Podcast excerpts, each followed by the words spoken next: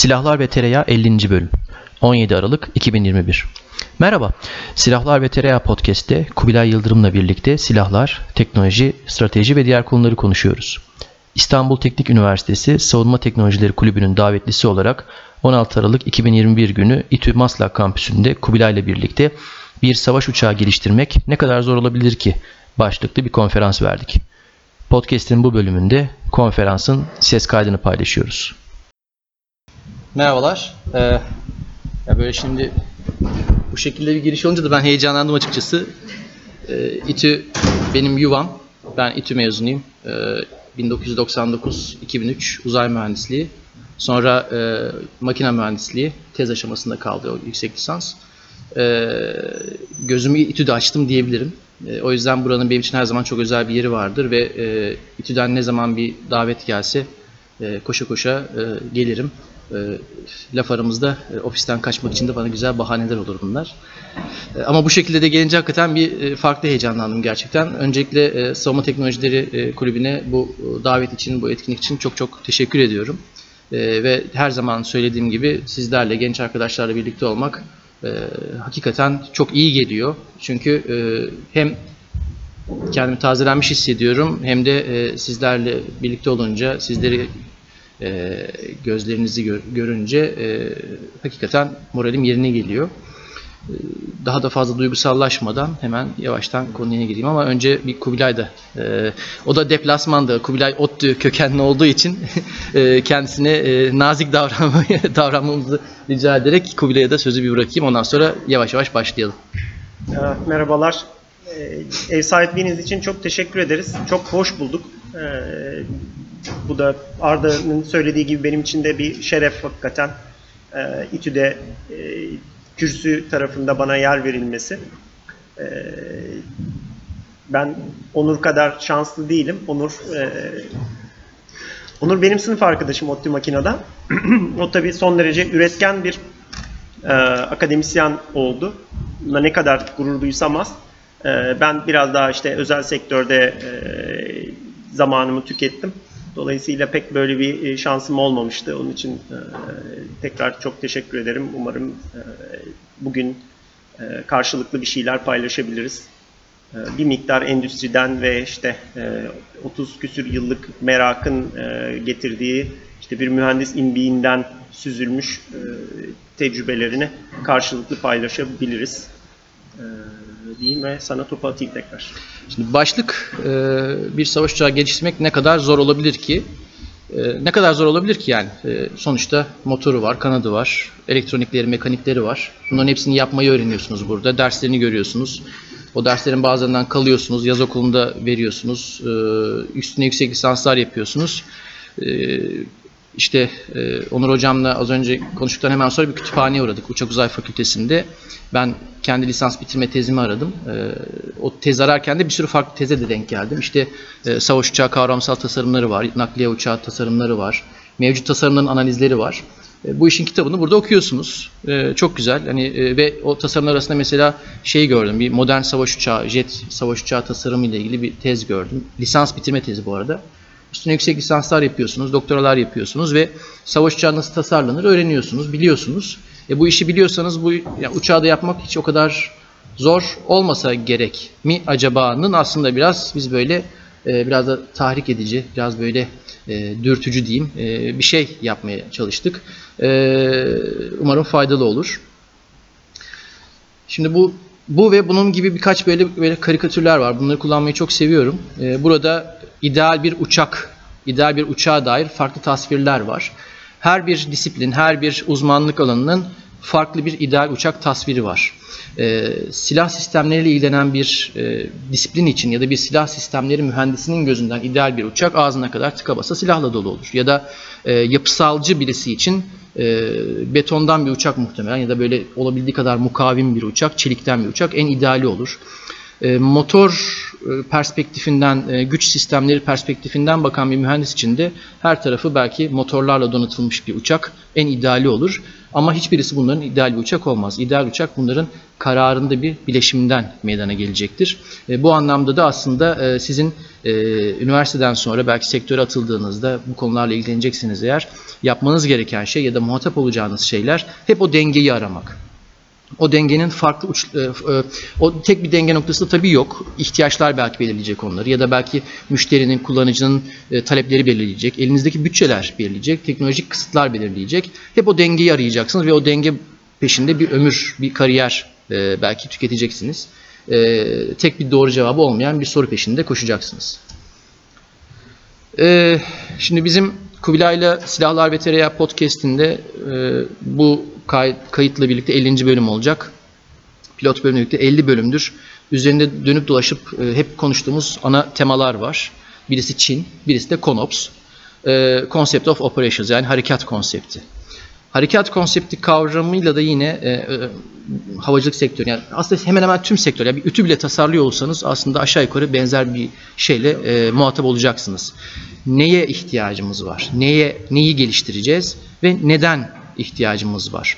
E, bir, gene konumuz uçak olduğu için uçaklara dönelim. Bir savaş uçağı tasarlıyorsak nasıl bir savaş uçağı ve neden? Bu ne iş yapacak? Nasıl yapacak? Nasıl bir ortamda hareket edecek? Nasıl savaşacak? E, Nasıl uçacak?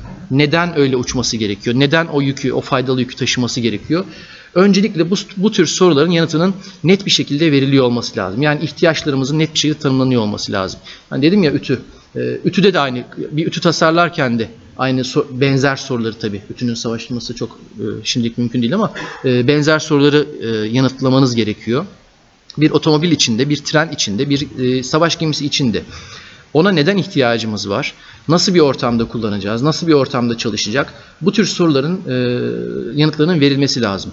Bu soruların yanıtları sizlerin e, sınır koşulları, başlangıç koşullarınız olacak. O kendinize çizeceğiniz o oyun sahasında mühendislik hesap kitaplarını yapacaksınız. Aerodinamik hesaplarını, mukavemet hesaplarını vesaireleri yapacaksınız.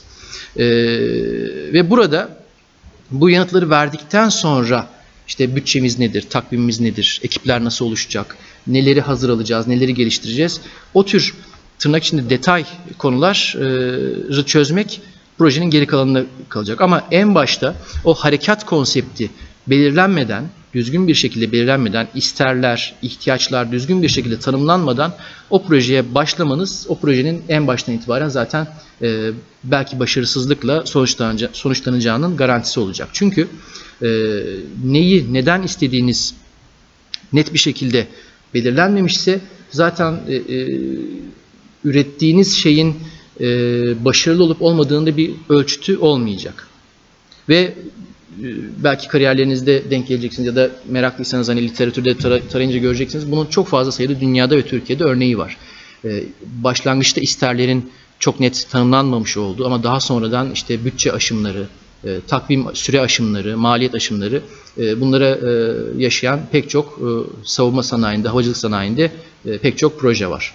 Ve mesela şu alttaki gibi yani e, neredeyse bitmiş bir inşaatta ya buna dört kat daha ekleyemez miyiz niteliğinde pek çok soruyla karşılaşacaksınız. Siz tasarımını, hesabını, kitabını bitirdiğiniz bir ürüne ilişkin ya şunu da şöyle bir ekstra özellik eklesek olmaz mı diyen pek çok müşteriye ve bu nitelikte pek çok e, soruyla karşılaşacaksınız.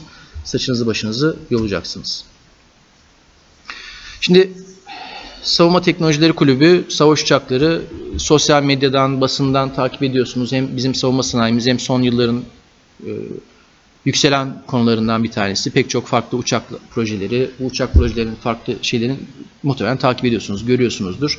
Ee, işte F-35'ler, Rafale'ler, Eurofighter'lar falan filan. Ee, bunların hepsi e, yakışıklı aletler, güzel e, teknolojik ürünler. Ama bunların ortaya konmasında işte o az önce bahsettiğim harekat konseptinden başlayarak aslında çok karmaşık e, bir süreçler bütünü yatıyor. Şimdi buradaki bu denklem benim zamanında tamamen uydurduğum, e, biraz üzerinde oynadığım bir şey. Yani bir denklem olarak bir savaş uçağı projesini ele almak gerekirse böyle yorumlayabiliriz diyerek yola çıktığım bir şey.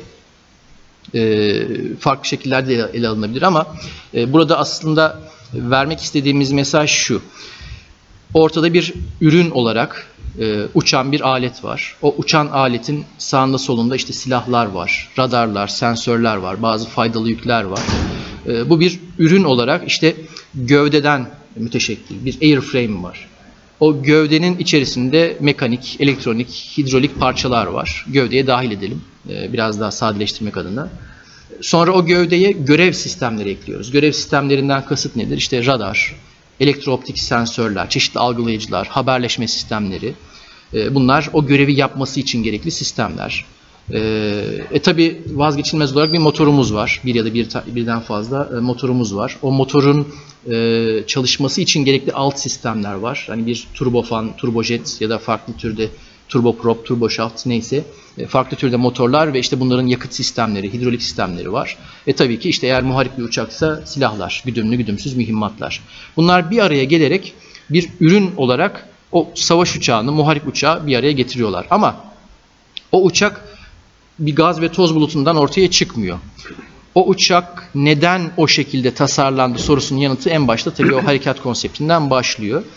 Sonra o uçak ortaya çıktıktan sonra araştırma, geliştirme, e, test aşamasından sonra ortaya çıktıktan sonra e, bu uçağın e, faaliyetini sürdürebilmesi için gerekli yedek parçalar var. Bu yedek parçaların üretimi, planlanması, bu uçağı kullanacak, bakımını yapacak e, personelin eğitimi. Bu uçak uçacak işte ama yerde bazı destek ekipmanlarına ihtiyacı var. Hangara ihtiyacı var. Elektrik, hidrolik e, alt sistemlere ihtiyacı var. E, o uçağın faaliyetini sürdürmesi için bir altyapının kurulması gerekiyor ve hayatı boyunca e, ömrü boyunca işte e, yapılması gereken bakım onarım işlemleri var. Bunların hepsini bir lojistik destek başlığı altında toplayabiliriz. Lojistik destek sağlanarak, o ömrü boyunca bu destek sağlanarak o uçağın faaliyete tutulması işlemlerinin tamamını ömür devri yönetimi olarak da e, toparlayabiliriz. Ömür devri ne demek?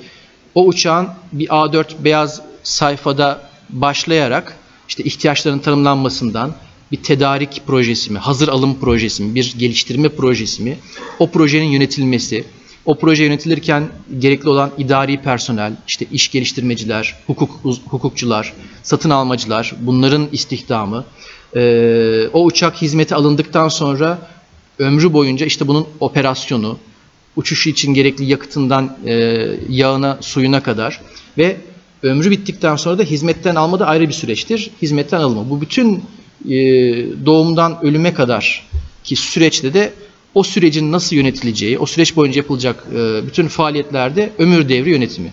Yani aslında bir savaş uçağını geliştirip hizmete alıp hizmetten çıkartana kadar geçecek süre içerisinde pek çok farklı disiplinin bir arada uyumlu bir şekilde çalışması gerekiyor. Biz bu denklemin şimdi biraz parçalarına e, odaklanarak savaş uçağını tasarlamak zor mu, kolay mı ya da neye dikkat edersek zor, neye dikkat edersek kolay biraz onları anlatacağız. Burada da Kubilay biraz daha bu yapısal ve mekanik şeylerin uzmanı olarak aslında sözü benden devralabilir. Olur hay hay ben tabii pek yapısal uzmanı sayılmam. Ee, ben kendimi üretimci olarak buldum. Ee, oysa akışkanlara meraklı, işte e, jet propulsion meraklısı, işte Ahmet Hoca'nın Üçer, Şevki Üçer'in e, şeylerinde derslerini kovalayan, işte sınavından 100 üzerinden 105 almayı falan başarmış. Böyle çok meraklı bir şeydim. Nasıl oldu böyle? Kendimi böyle bulduğumu bilmiyorum kariyer biraz böyle bir şey işte e, galiba. E, Farklı biraz ben de saksağın tabiatlıyım. Gördüğüm farklı şeylerden etkilenip onlara doğru e, kayıyorum galiba. E, ve işte üretim de aslında e, mekanik üretim e, vesaire dediğimiz şey aslında uçakta motora, gövdeye falan çıkıyor. Fakat işte aslında uçak dediğimiz, savaş uçağı dediğimiz e, konsept e, dev bir lojistik problem. E, bir e, imkanlar problemi, e, bir imkanlar denklemi, bir lojistik denklemi ve bunu çözmeye çalışıyorsunuz sürekli. Ve ilginç tarafı bu e, operasyonel konsept, CONOPS dediğimiz operasyonel konseptle birlikte başlıyor. Neden, neyi yapmasını bekliyorsunuz? Bu uçağı e, belirli bir mesafeye, belirli bir yükü taşıması gerekiyor. Aslında temel hedef bu. Ee, uçak bir bir taşıt aracı, bir platform aslında. Ee, bu taşıması gereken yükün içerisinde pilot da var. Pilot da, pilotun önüne e, bilgileri sunacak olan enstrümantasyon, ekranlar vesaireler de var. Kanatında, e, kanadındaki e, yakıt tankı da var, e, mühimmatı da var E, ve bunu belirli bir menzile götürebilmesi lazım. Bunun alt kırılımları bu menzile hangi süratte gidebilmesi lazım, e, ne kadar havada kalabilmesi lazım falan gibi şeyler e, e, kırılımlarla birlikte karmaşıklaştırıyorsunuz. Bunları belirledikten sonra tabii e, me- mevcut malzeme, bilindik üretim ve montaj e, kültürleri, e, bilgileriyle buraya ulaşabiliyor muyuz? Gerçekçi mi bu? E, onu sınıyorsunuz ve çözmeye çalışıyorsunuz. İşte bu da ayrı bir imkanlar problemi. Ulaşa, gerçekten ulaşabildiğiniz malzemeler. Gerçekten içerisine tek bir parçayı sığdırabildiğiniz tezgahlarınız yahut da belirli işleme toleranslarının içerisinde kalarak bir tezgahın ne kadardan hangi mesafeden hangi mesafeye kadar e, malzeme işleyebileceği falan gibi bir e, lojistik ya da bir e, fiziki toleranslar problemini çözmeye çalışıyorsunuz ve e, onun sonrasında da tabii e, yine bu işlemlerin bu, bu sürecin içerisine e, nüfuz etmiş bir şekilde de e, Arda'nın bahsettiği ömür devri problemini çözmeye başlıyorsunuz. Çünkü e, bizim e, havacılık dünyasının e, çevremizdeki normal hayatımızdan biraz daha farklı olan e, ve günlük hayatımızdaki alışkanlıklarımız ve reflekslerimizle anlamlandırmakta, anlamakta zorluk çekeceğimiz, işçi profesyonellerinin bile anlamakta zorluk çekeceği şeylerden bir tanesi bu ürünlerin kullanıldıkça inanılmaz masraflar çıkarıyor olduğu. Ee, bir araba satın alıyoruz ee, ve bu arabaya aslında ilk başta çok büyük bir para veriyoruz. Hele Türkiye'de inanılmaz büyük bir para veriyoruz. Ee, ve hemen hemen e, aracın faydalı ömrü işte 10 yıllar yahut da işte yüz binlerce kilometre boyunca e, arabanın ilk alım maliyetinin yanında görece çok mütevazi kalan yedek parça, servis, sarflar e, gibi e, masrafları konuşuyoruz. Biz böyle bir şeye alışkınız. Yahut da e, akaryakıt, yağ bilmem ne falan gibi işte yağ filtresi gibi e, e, maliyetlerine alışkınız. Bunlar genelde e, ilk yatırım maliyetini e, yani otomobilin alım maliyetini aştıktan sonra e, daha mütevazi bütçelerle karşılanabilecek şeyler. Fakat e, havacılık malzemeleri uçaklar böyle değiller. İlk alım maliyetleri, ilk fiyat etiketleri, tedarik fiyat etiketleri aslında e, bunları kullanacağınız, e, kullanmayı düşündüğünüz servis hizmet ömürleri boyunca başınıza öreceği çorapların e, küçük bir kısmı. E, bu e, sistemi, bunu bir sistem olarak, bir hava aracını bir sistem olarak düşünmek lazım. Bahsettiğimiz sofistike yolcu uçakları ya da savaş uçaklarını. Ee, bu sistemi aslında bir sistemler üstü sistemin parçası olarak tedarik ediyorsunuz. Bunun işte mühimmatlarından tutun, radarından, sensörüne, podlarına vesairesine kadar e, alt kırılımları var. E, kademe e, ya da ileri hava üslerinde ya da geride bazı bakım merkezlerinde yapılacak süreli süresiz bakımları, işte ölçümleri, e, tamirleri vesaire için e, edineceğiniz e, makineler, e, ekspertizler, eğitimler, jigler, fikstürler falan gibi bir dolu e, şey var ve bunun dışında da ömrü boyunca e, harcanacak parçalar vesaireler falan var. Unutmayalım ki aslında en dandik savaş uçağı bile e, neredeyse bir Formula 1 aracı e, sofistikasyonunda üretilen e, araçlar. Kalkışlar, inişler, frenlemeler, sıcaklıklar, e, hedeflenen ağırlık e, bütçeleri vesaireler bunlar e, bilindik mekanik malzeme e, e, teknolojilerinin genelde kendi e, açısından, kendi e, özelliği açısından en uç noktalarındaki malzemeler. E, bu sebeple idameleri pahalı, zor, e, belirli ekspertiz e, isteyen e, bilgi alt kümeleri. Dolayısıyla bunlar işletmesi, idamesi çok pahalı sistemler. Hayatta tutabilmesi, etkin bir şekilde kullanabilmesi oldukça pahalı sistemler. Dolayısıyla bir hava aracını tasarlarken artık bunu da e, hesabına katıyor olmanız gerekiyor. Ve e, başlangıçtan itibaren bu makinenin benim için ne yapmasını istiyorum, hangi menzile, hangi irtifaya, hangi hızda, ne kadar yükü, ne, ne tür bir şekli, ne tür bir paketi götürmesini istiyorum, e, ne şekilde geri getirmesini istiyorumla başlayan süreç bunu 20 yıl boyunca, 30 yıl boyunca idame etmek için gereken sarflar, e, eforlar, e, çalışmalar e, alt kümesini de hemen sarkıyor ve oldukça karmaşık ve çok fazla e, bilinmeyeni olan, çok fazla değişkeni olan e, bir denklemle sizi e, karşı karşıya bırakıyor.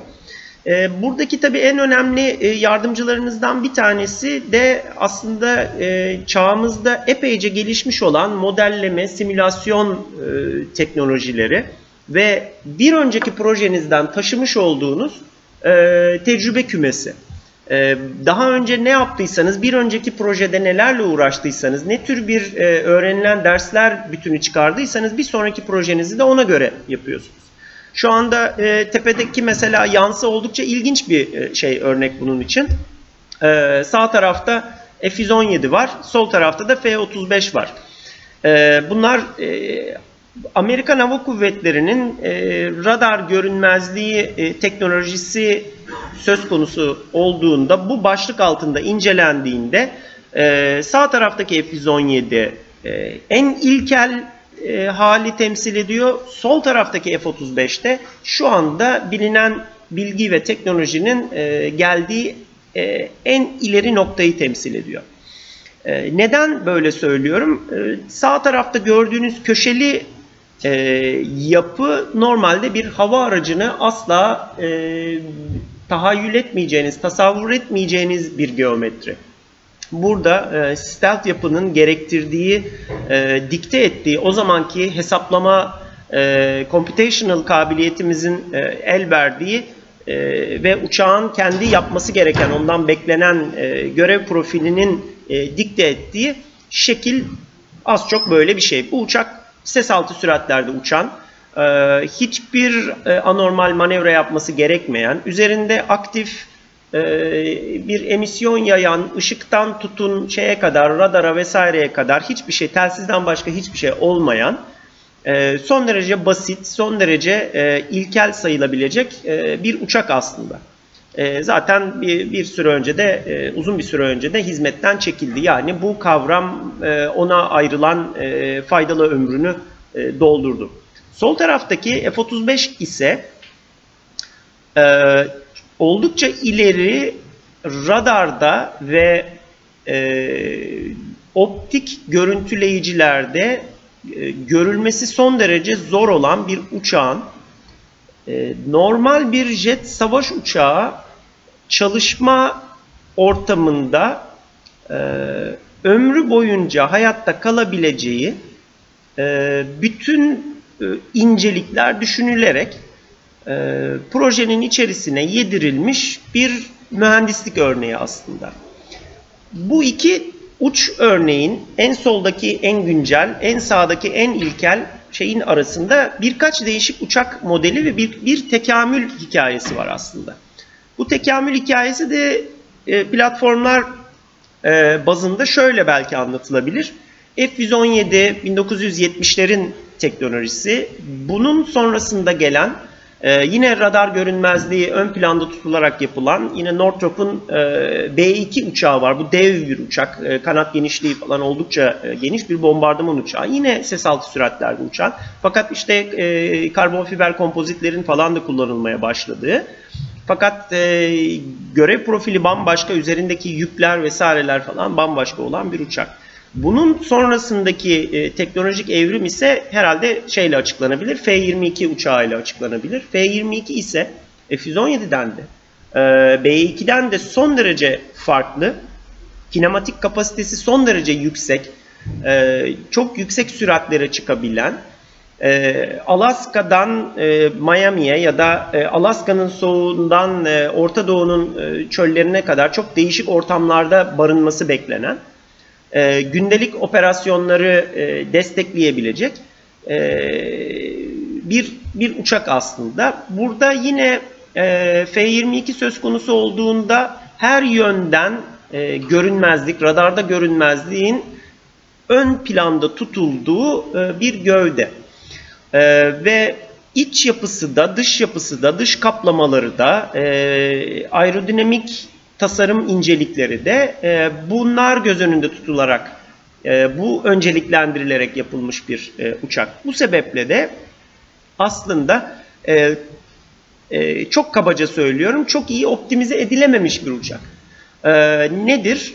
E, işletme maliyeti son derece yüksek. E, uçuş saati başına e, yapılması gereken e, bakım, onarım, gözle kontrol, elle kontrol, çeşitli e, şeylerle kontrol, aletlerle kontrol e, miktarı son derece yüksek. E, elinizi attığınız her şeyde, her dokunduğunuz her yerde karşınıza çok pahalı işlemler, onarımlar falan çıkartan çok yüksek e, kapasiteli şeyin e, besin zincirinin en tepesinde olması beklenen ve artık pratikliğini de yitirmiş ve kavram olarak da şu anda demode kalmış. Kavram ve donanım olarak da şu anda demode kalmış bir uçak. F-35'e geri geldiğimiz zaman ise e, F-35 işte az önce Arda'nın da söylediği benim tekrar e, uzata uzata anlatmaya çalıştığım konopsundan tutun da bütün e, e, uçağın ömrüyle ilgili yapılabilecek tüm faaliyetlerin e, bir kümenin içerisinde optimize edilmeye çalışıldığı bir e, tasarım bu. E, F-35 çoğunlukla bu günümüzde artık sahaya yayılıp belirli tecrübeleri açık internete vesaireye düşmesinden önce genelde e, işte e, F-35 karşıtları vesaire işte şey tarafından yerden yere vurulan e, özellikle e, uçuş kinematik kabiliyetleri, menzili, şusu busu e, yerden yere gerçekten vurulan, e, koca bir e, neye tavus kuşuna falan benzetilen, uçamayan bir penguene benzetilen falan bir uçaktı. Öyledir ya da değildir. İşte daha iyi olabilir de olamazdı. Bunlar e, tartışma konusu olmakla birlikte F-35 bugünlerde e, kullanılmaya başlayınca anlaşıldı ki e, aslında ilk başta planlanan, beklenen, yapması istenen şeyleri planlanandan birazcık daha pahalı ve eforlu olmakla birlikte yapabilen, kullanıcısını destekleyen, kullanıcısına yardım eden bir uçak olabilmiş. Kısaca birkaç maddede onu da e, özetleyip ondan sonra tekrar Arda'ya atacağım topu. E, görünmezlik kabiliyeti kolay bir e, şey değil. Sadece geometriyle, e, açılarla, e, bütün işte kanat vesaire hücum kenarlarının aynı açıda olmasıyla başlayan ve biten bir şey değil. E, bu en sonunda hedeflenen tasarım parametrelerinden sizin tasarım boundary'lerinizden bir tanesi sadece. Bunun yanında biz bir e, bir bir kare bir küp bile bir e, altı kenarı olan bir küpten bile bahsetmiyoruz. Çok çok daha fazla bir futbol topu gibi çok gen bir e, yapıdan bahsediyoruz ve tasarım boundary'leri e, birden çok tasarım boundary'si olan bir bir çok bilinmeyenli, çok değişkenli bir denklemden bahsediyoruz. V35 e, şu manalarda çok büyük bir engineering challenge aslında. Hem e, görünmezlik e, altyapısına sahip olacaksınız geometrik olarak. Hem bu geometrinin üzerine atılan e, radarda görünmezliği destekleyen çeşitli kaplamaları üzerinizde tutacaksınız. Hem yüksek performanslı bir savaş uçağı olacaksınız. İşte tonlarca yakıtı, tonlarca mühimmatı alıp kaldıracaksınız. Güm diye piste vuracaksınız. 10 ee, yıllarca hiçbir parçası sökülmeden, ana mekanik parçası sökülmeden bu işlemleri e, yapmaya devam edeceksiniz. Normalde iç haznenizde güya mühimmatları taşıyacaksınız ama kanadın üzerinde de salanlar bağlanıp ağır mühimmatlar taşınabiliyor olacak. Bu salanları taktığınız zaman uçak e, normal çalışmasına devam edecek. Bu salanları söktüğünüz zaman, tıpaları kapattığınız zaman yine düşük görünürlüklü haline e, dönmeye e, dönebilecek ve bunu pist başında neredeyse yani hangarda yapabileceksiniz. Bu kadar basit olacak bu iş. E, c- e, oldukça e, güçlü bir motora sahip olacaksınız. E, yüksek süratlere çıkabileceksiniz. Sağınız solunuz gövdenin e, orası burası ısınacak. Buradaki ısıyı kaldırmak için e, yakıt tertibatını kur- e, kullanarak belirli noktaları soğutacaksınız. E, havada çok yüksek e, G manevraları yapacaksınız. Kanatlarınız bir oraya bir buraya gerilecek. Kanatların üzerinde e, mühimmatlar, kanatların üzerinde yakıtla birlikte bu manevraları yapacaksınız. E, içerideki yapısal elemanları, yük taşıyan elemanları ve uçağın gövdesini dış, o mold line dediğimiz e, dış kaportasını oluşturan malzemeleri inanılmaz yükleyeceksiniz, gereceksiniz ve bunlar e, yine de görünmezlik özelliklerini kaybetmeyecekler. E, malzemeler birbirleri üzerinde çalışırken şey yapmayacaklar. E, dışarıdaki kaplamayı çıtır çıtır e, e, çatlatmayacaklar. Her uçuştan döndüğünüzde uçağın üzerinde yürüyüp ya bu, bugün de avuç kadar bir parça uçmuş diye birileri dolanmayacak. Oraya eliyle, malayla, spatulayla bilmem neyle tekrar kaplama uygulamaya çalışmayacak. Ee, ve aynı zamanda bu uçaktan binlerce üreteceksiniz ve e, oldukça üretilebilir, oldukça hızlı üretilebilir bir üretim hattı kurabilecek e, altyapıya da sahip olacaksınız. İşte bu e, bakımdan F-35 belirli şeyleri başarmış. E, göründüğünden çok daha fazlasına sahip olan bir uçak. Son olarak şu cümleyle e, söyleyeyim. F-35 Amerikalıların e, görünmezlik kabiliyetine sahip ve müttefiklerine ihraç edebildiği e, ilk ve tek uçak ve muhtemelen bir süre daha da böyle kalacak. Bunun sebebi baştan itibaren ihraç edilebilir şekilde tasarlanmış olması. Bu belirli yoksunlukları var. O kadar da görünmez demek değil aslında. İhraç edilebilirlikteki kasıt e, biraz da şurada. E, normalde stealth dediğimiz yapı idame edilen bir yapı. E, uçak fabrikadan çıktığı gibi kalmıyor ve aynı şekilde hayatına devam etmiyor. Ee, biraz önce saydığım F-35'ten önceki bütün görünmez uçaklar ciddi şekilde e, stealth altyapının idamesini gerektiriyor. Mekanik olarak, kaplamalar olarak şu bu vesaire. E, F-35 bunun minimum e, şekilde e, gereksinim duyulduğu bir uçak. Dolayısıyla müttefiklerinize e, Amerikalılar e, penceresinden konuşuyorum e, müttefiklerinize F-35'i gönderdiğiniz zaman onlar uçurmaya başladığı zaman e, 10 yıllar içerisindeki araştırmalarınızla ve oldukça gizli bir şekilde geliştirdiğiniz stealth bilginizi, know-how'ınızı e, müşterileriniz, müttefikleriniz bu uçağı idame edebilsin diye onlara sürekli vermek zorunda kalmıyorsunuz. Uçağı stealth olarak gönderiyorsunuz. Asgari stealth e, haliyle de hayatına devam ediyor. En büyük özelliklerinden bir tanesi bu. Bunu bakınca uçağı bir aerodinamik yapı olarak falan göremezsiniz. Ama o e, derisinin altında uçağın bütün yapısı, e, bütün mekanik tasarımı e, buna göre ve üretim teknolojileri buna yönelik yapılmış bir uçak. E, dolayısıyla F-22'den ki F-22 dediğimiz şey de 2005 yılında falan Evet. aslında şeye girdi, envantere Aynen. girdi. Ee, ve e, birkaç sene içerisinde işte tamamlandı. O kadar e- güya aslında o kadar eski bir teknoloji değil ama F-35 ile arasında F-22'nin bir değil belki de iki nesil e, aeroelastisite, e, üretim teknolojileri vesaireleri falan farkı var. E, bu bakımdan da e, oldukça ileri bir noktayı e, temsil ediyor. E, ben genç e, mühendis adayı arkadaşlar olarak e, sizlere bu projeye bu veçesiyle de bakmanızı e, tavsiye ediyorum.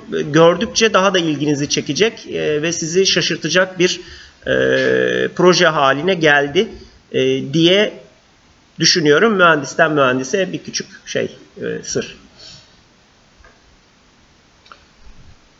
İkinci parametremiz görev sistemleri. Ee, görev sistemleri dediğimiz başlık 60'lı 70'li yıllarda işte daha eski e, yani 20. yüzyılın savaş uçaklarında çok daha sade bir başlıktı. Çünkü görev sistemi dediğimizde e, ana unsur radardı.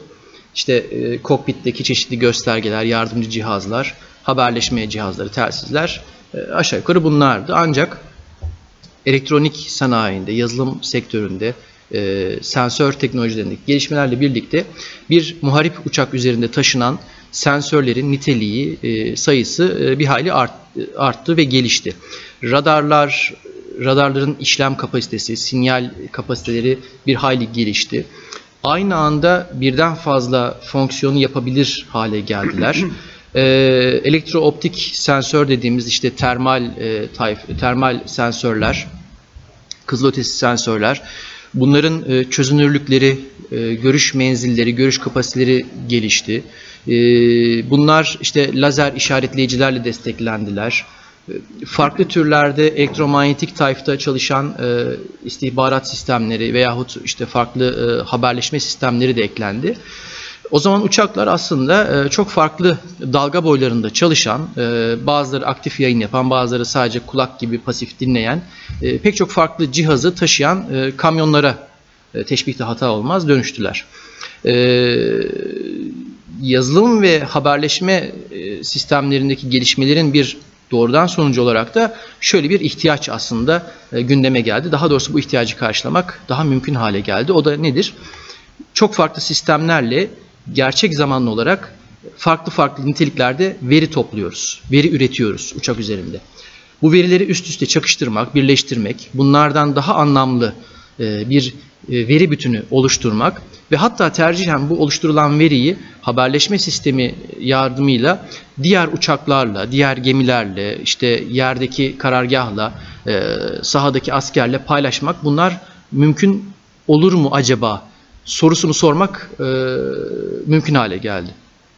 F-35 gibi uçaklar işte 5. 5. neslin alameti farikası olan bu kabiliyet e, artık aranan özellik ya da standart özellik haline geldi. Yani uçak radarında gördüğü bir resmi, radarında topladığı veriyi gerçek zamanlı olarak başka bir uçağa aktarabilir ya da uçak başka bir radardan, başka bir uçaktan elde ettiği hedef bilgisini kullanarak kendi radarını açmadan o hedefe saldırabilir veyahut e, kendi radarıyla topladığı bilgileri işte başka e, sistemlerin de topladığı bilgilerle birleştirerek ortaya daha anlamlı böyle bir hani e, strateji oyunu oynayanlar aşina olacaktır. O terime God view ya da God eye view gibi ve tepeden e, bakar halde işte kim dost kim düşman kim nereden nereye gelmiş gidiyor.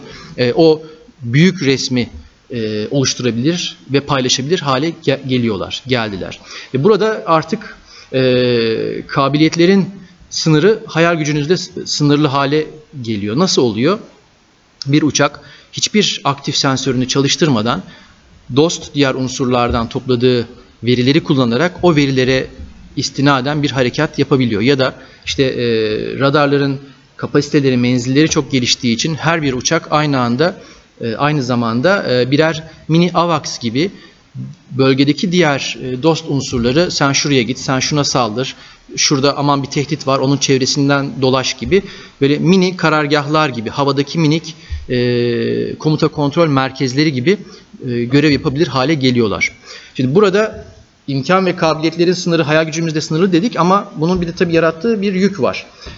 E, uçağa, uçakta zavallı bir tane insan var, bir pilot var. E, pilota düşen o bilişsel yük, e, psikolojik yük e, bir hayli katlanmış oluyor. Pilotun uçuş sırasında uçağı mı kumanda etsin, gaz koluyla mı uğraşsın, manevra mı yapsın, aman şu radarda, aman bu sensörde ne gözüktü onları mı kontrol etsin bunların hepsini aynı anda e, hakkıyla yapması e, imkansız. İnsanın bilişsel kapasitesini bunlar artık zorlayan şeyler haline geliyor. O zaman ne geliyor? Görev sistemlerinin üzerinde çalıştığı bu yazılım ve donanım dünyasında işte yapay zeka, yapay sinir ağları, bulanık mantık gibi daha bilim kurguya yaklaşan, yakınsayan e, kabiliyetleri konuşmamız, geliştirmemiz gerekiyor. Yani pilotun yardımcı pilotları olarak işlev görecek pek çok algoritma, pek çok işte yapay zeka tabanlı ya da otonom, yarı otonom karar destek sistemlerinin de o uçakta yerini almış olması gerekiyor ki pilotun o anda gerçekten ihtiyacı olan bilgiyi önüne koyup o kadar aciliyeti olmayan diğer bilgileri filtrelemek ya da pilot eğer bir krizle uğraşıyorsa, bir tehditle uğraşıyorsa yalnızca o tehditle, yalnızca o sorunu çözmeye yetecek bilgileri onun önüne koyup diğerlerini kendi başına halletmek gibi farklı farklı şeyleri ya da belli bazı e, veri iletişim, e, hedef tespit, teşhis, takip fonksiyonlarını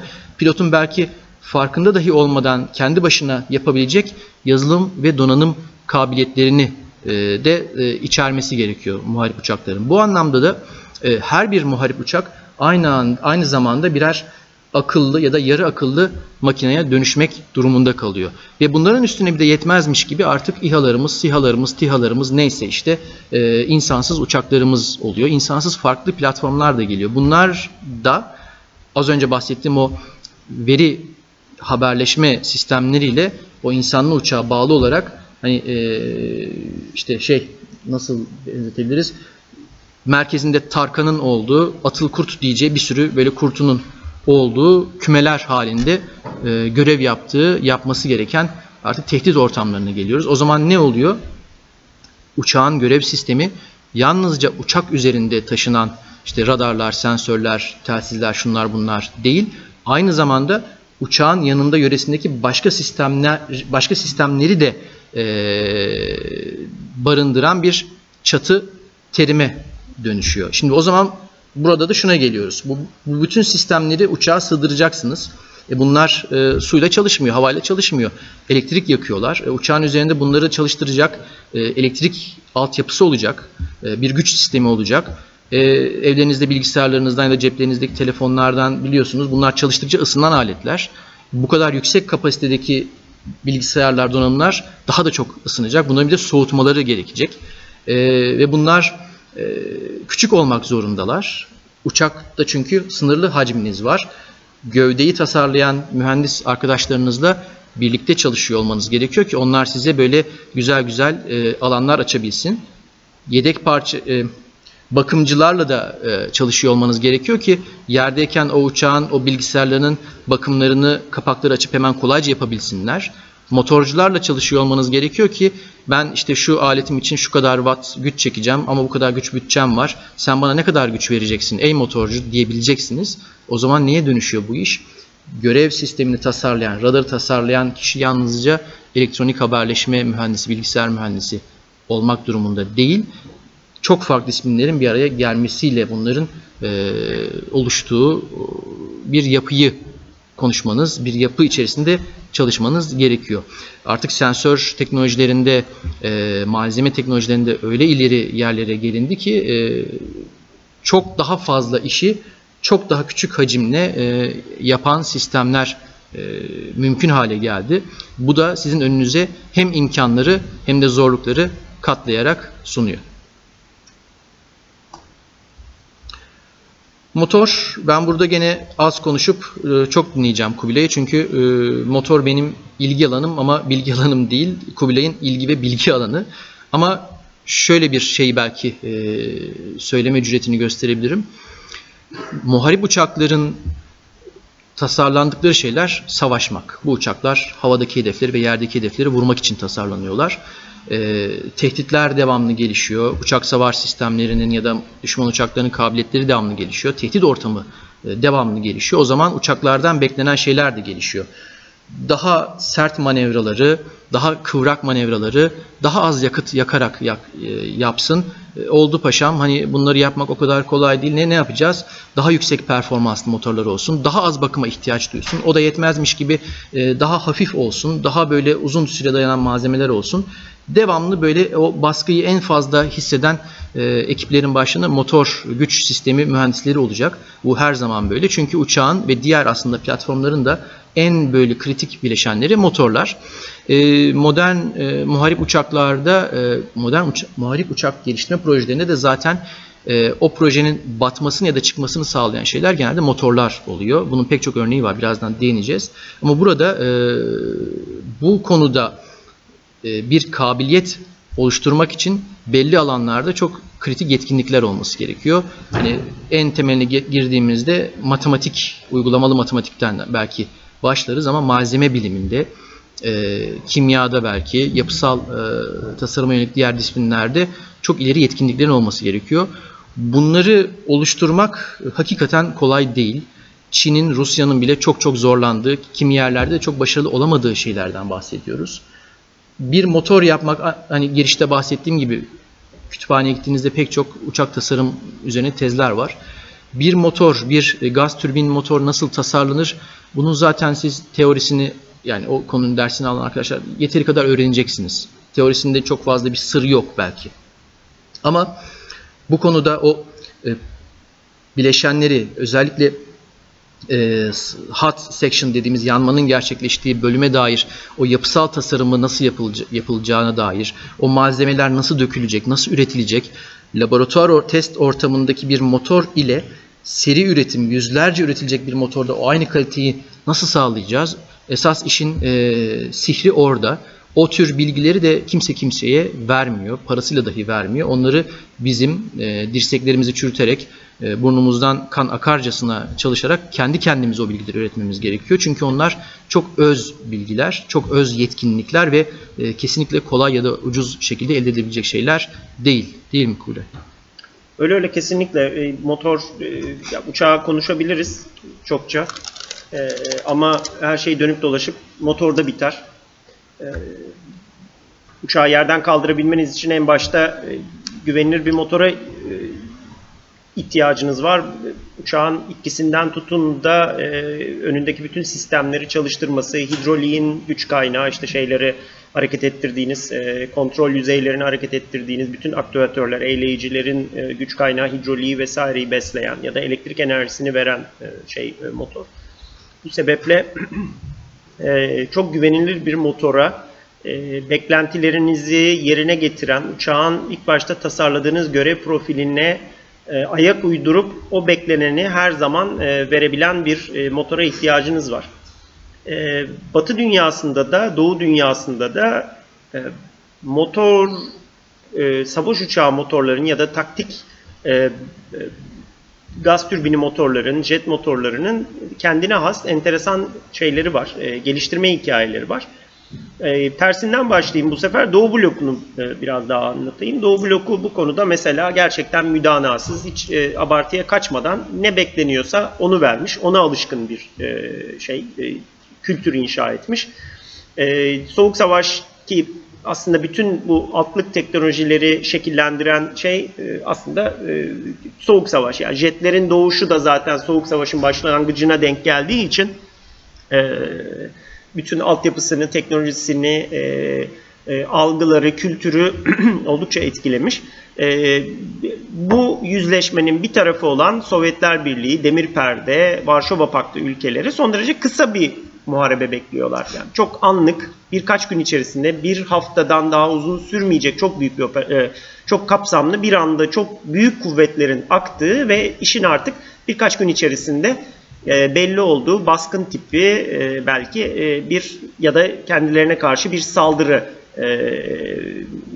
engelledikleri bir saldırı bekliyorlar. Dolayısıyla Doğu bloğunun aslında amacı en uç noktalara Varşova Paktı'nda Sovyetler Birliği'nin merkez ülkeleri kadar sofistike insan gücüne sahip olmayan çok uzak bölgelerdeki Sibirya'daki işte Kamçatka'daki e, ya da işte az önce söylediğim gibi e, şeyin e, güney kanadı, batı kanadındaki ileri ülkelerde e, lojistik hatları belki de kesilmiş halde e, uçakları uçar tutmak zorunda kalacak olan e, saha birliklerinin uçurabildiği sofistikasyonda e, ve kullan at şeklinde neredeyse öyle denilebilecek e, narin olmayan oldukça e, kaba saba diyebileceğim e, motorlar üzerinde geliştirmişler bütün e, altyapılarını. E, asıl kültür uçak zaten işte e, şeyde normal eğitim uçuşlarında, gündelik kullanımında vesairede zaten belirli bir program dahilinde motorlar sökülür, geri gelir, merkezde toparlanır. Onlar daha sonra ileri hatlara tekrar geri gönderilir. Öyle motor değiştireyim, sahada blade'lerine bakayım, bilmem ne yapayım. Bunlarla hiç hiç siz muhatap olmayın. Ben bu kadar adam yetiştirmek zorunda kalmayayım. Ee, ama motor o belirlediğimiz süre içerisinde öngördüğümüz savaş süresi boyunca çok yüksek performansla, çok yüksek yüklenmelerle, duty cycle'larla kullanılsın, görevini yapsın, bitirsin e, kültürüyle yapılmış motorlar. Bundan da halen aslında Doğu bloku pek kurtulabilmiş Evet. değil. Ruslar halen çok uzun ömürlü olan bir takıldığı bir uçağın üzerine de e, birkaç bin saat geçirebilecek motor yapmakta son derece zorlanıyor. E, en büyük sıkıntılarından bir tanesi bu aslında e, Rus havacılık kültürü e, yabana atılır gibi değil. Halen de ciddi bir e, altyapı e, kendilerine miras kalan Sovyetlerden miras kalan altyapının da e, ekmeğini yemeye de devam ediyorlar. Fakat en büyük şeylerden bir tanesi dünya artık farklılaştı. O tarafın ya da bu tarafın olmanız gerekmiyor.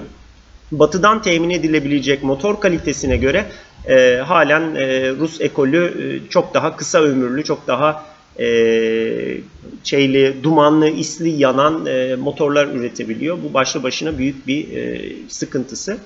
E, Batı dünyasına baktığımızda çok daha tabii civcivli şeyler görüyoruz. Çok yüksek e, e, performanslı sistemler, e, çok daha egzotik malzemeler, egzotik e, şekiller, geometriler falan kullanılabiliyor. Buradaki en önemli sürücülerden bir tanesi değişik modaliteleri var. E, belki 1950'lerden bu tarafa doğru geldiğimiz zaman e, şeyi görüyorsunuz. İşte paylaşmayı, paslaşmayı görüyorsunuz. Aslında ilk mesela Amerika'ya gelen e, jet motoru dediğimiz şey normalde bir İngiliz motoru. İngiliz motoru Amerika'ya getiriliyor. Amerika'da da e, pistonlu motorlardan, bunların turbo şarj ünitelerinden e, gelmiş müthiş bir üretim kültürü var. Müthiş bir e, kompresör yapabilme yahut da işte akışkanlar dinamiğine hükmedebilme, çok uzun ömürlü e, kompresörler, türbinler yapabilme. Çünkü e, pistonlu motorların da turbo üniteleri çok çok büyük aslında. Başlı başına birer şey e, yanlı odası olmayan birer gaz türbini gibiler aslında. E, bir kompresörü var, onu, onu çeviren e, şeyler var, türbin üniteleri var. E, o, onun getirdiği bilgi birikimini e, İngilizlerden gelen tasarım kültürünün üzerine e, bina edip oradan e, şeyin önünü açmış. E, e, bu teknolojinin, bu uygulamanın önüne açmış e, bir bir paslaşma var aslında. E, onun sonrasında da şunu söylemek mümkün. Tabii Soğuk Savaş boyunca aslında e, e, motor teknolojilerini çeken, ittiren e, şey askeri uygulamalar, e, itici güç. E, ve e, hemen hemen her 10 yılda bir e, Soğuk Savaş'ın e, yapılan e, tehdit analizlerine göre değişen e, isterler, beklentiler, taktik uçakların e, kapasitelerinde e, gidilen revizyonlar, tasarım kültürünün değişmesi ve bununla da birlikte motordan beklenen şeylerin değişmesi. E, enteresan bir şekilde e, yani şeyin en meşhur belki de en çok üretilen motorları işte e, Pratt Whitney'in e, turbojet motorları J75'ler çok efsanevi motorlar. Zamanında çok büyük işler yapmış e, şey motorlar. Bir bunlara bakıyoruz. E, bunlar e, ya da işte SR71'in üzerindeki J58 motoru e, o zaman için ulaşılabilmiş en yüksek teknolojiydi herhalde. Fakat sonrasında artık 70'lerde 80'lerde turbofanları görüyoruz. E, bunu muhtemelen 1950'lerde motor tasarlayan birine ya 20 sene sonra e, turbofanlar e, düşük bypass oranlı da olsa turbofan motorlar kullanılacak falan deseniz herhalde gülerdi size. Ya olur mu öyle şey ben şey gaz, gaz kolunu ittirdim mi gitmeli bu falan diye. F-104'lerin falan yapıldığı dönemden bahsediyoruz çünkü. Beklentilerin çok farklı olduğu bir dönemden bahsediyoruz. Ee, Soğuk Savaş'ın artık hafiflemeye başladığı dönem ve e, tabii işte e, özellikle e, kapital dünyada işte tüketim e, iş dünyasının geçirdiği evrim 80'lerin başı dünyadaki liber- liberalizasyon e, akımı işte Reagan dönemi, Thatcher dönemi, e, Avrupa'daki değişimler e, Asya'nın, ASEAN ülkelerinin e, işte e, Tayland'ın şunun bunun falan işte Batı ekonomisine e, entegrasyonu, Japonya'nın bir dev olarak çıkması, transatlantik uçuşlar, ticari e, uçuşlar vesaire gibi itici güçlerle özellikle 80'li yıllarda e, şey çekici bir güç haline gelmeye başlıyor. Sivil havacılık çekici bir güç haline gelmeye başlıyor. Özellikle de Soğuk Savaş'ın bitişinden sonra bütün askeri harcamaların, argenin, e, fonlamanın falan azaldığı bir dönemde e, uçak motorları teknolojisini ittiren şey e, yakın zamana kadar hatta e, belki de bir 3-5 sene öncesine kadar aslında sivil teknolojiydi. E, bu konuda da aynı e, firmaların şey yapması. Mesela uçak e, uçakların kendisi konusunda pek öyle bir şeyden bahsedemeyiz. Yani şu, şu anda en büyük e, defense contractor Batı dünyasında Lockheed Martin. Lockheed Martin'in bir sivil uçuşla ilgili herhangi bir şeyi yok. Bir subsidiary'si falan filan da yok. Boeing belki öyle değil ama Lockheed Martin'in yok. Ama e, motorcular için aynı şey sö- e, söylenemez yani. İşte e, Batı dünyasında 3 tane büyük motor üreticisi var. Biri İngiliz Rolls-Royce iki tanesi Amerikalı bir Pratt Whitney öbürü de şey e, GE e, General Electric. E, bunların hepsi aslında sivil motor üreticileri de dolayısıyla e, bu çok özel bir imkan sağlıyor tabi e, sivil taşımacılık oldukça verimli e, her bir yakıt gramının en yüksek verimlilikle itkiye çevrilmesi serüveninin sürekli içerisinde olmak, o tavşanın sürekli koşuyor olması önünüzde, e, askeri olsun, e, sivil e, piyasada olsun, e, sürekli size bir bir bir mühendislik meydan okuması sağlıyor ve motor dünyası bu sebeple tabii oldukça dinamik, oldukça hızlı ilerleyen bir hale geldi. Bugünün dünyasında e, bizim alışık olduğumuz F-16'ların üzerindeki F-110 motorlarını misliyle misliyle katlamış birkaç gömlek, e, birkaç nesil e, geride bırakmış e, oldukça yeni malzeme teknolojilerinden, tasarım teknolojilerinden bahsediyoruz eski ya bir şeyle yine birer mühendislik adayı olarak e, işte gördüğünüz fotoğraflara ya da müzelerde gördüğünüz motorlara bir de o gözlerle bakın. E, eski motorların 80'ler ve öncesi motorlarının sıkıştırma oranlarına bakın. Kaç tane kompresör kademesi olduğuna bakın. Motorların ne kadar uzun olduğuna bakın. Bir de gelelim gündem e, gü- güncel motorlara, yeni nesil motorlara. Ee, 11 kademe kompresörden 5 kademelere, 7 kademelere düşüldüğünü, sıkıştırma oranlarının çok arttığını, e, şeylerin e, yanma odalarının oldukça uzun yanma odalarından çok kısa yanma odalarına dönüştüğünü, e, yanma verimliliğinin çok arttığını, e, hakeza türbin kademelerinin e, çok şekil değiştirdiğini ee, ve art taraftaki işte daha çok sacdan vesaireden e, ibaret olan varsa art yakıcı e, bölmelerinin ne kadar değiştiğini e, görebilmeniz mümkün.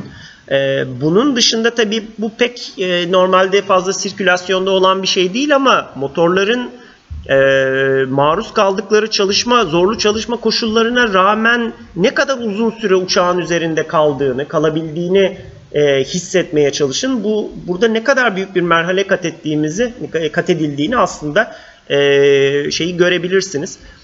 Şey başlı başına bir e, ben içinde de bulunduğum için zamanında modern motorların e, bu işte gerek titanyum gerek e, nikel alaşımlarından yapılma e, kompresör e, kanatçıkları, bunların tasarımı, bunların işte yekpare olarak bir e, dövülmüş bir disk malzemeden işlenerek e, şey yapılması, e, tek tek kanatçık olarak takılmasından ziyade e, o diskin üzerine işlenmesi e, konuları gerçekten hayranlık verici e, seviyede e, estetik, e, yüksek teknoloji barındıran e, şeyler, e, uygulamalar.